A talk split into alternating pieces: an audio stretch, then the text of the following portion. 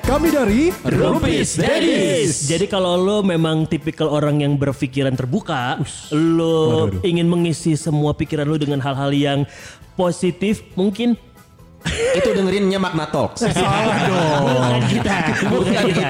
Tapi kalau lo Bukan termasuk kita. anak yang sering nongkrong di warung kopi, Ya. sering nongkrong Ini nih. ngumpul-ngumpul sama orang-orang banyak, nah lo bisa ikutan nongkrong di sini. Ngobrol di sini sama bapak-bapak yang suka nongkrong. Banget. Berfaedah barengan sama Abi Perdana. Wow, siapa itu? Ini yang paling ganteng katanya. Oh, suara ganteng katanya. Suaranya. Wah. Terima kasih. Selain gue ada juga Sony Bastian. Terima Pirsawan kasih. dan Pirsawati harus tahu Sony Bastian adalah orang paling logik di Rumpis Dedis. Wah, terima kasih. Mm-hmm. Hah? Menurut Wikipedia.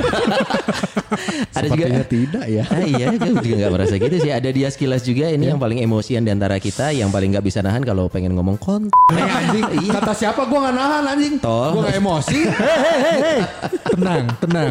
Calm ya. Iya. Terakhir nih kenal ini. Dan yang terakhir ada Tubagus Akmal. Wow. Tubagus Akmal ini adalah orang yang sangat-sangat-sangat-sangat garing di kita. Makanya Pirsawan dan juga Pirsawati dengerin terus Rubis Daddies. Cus.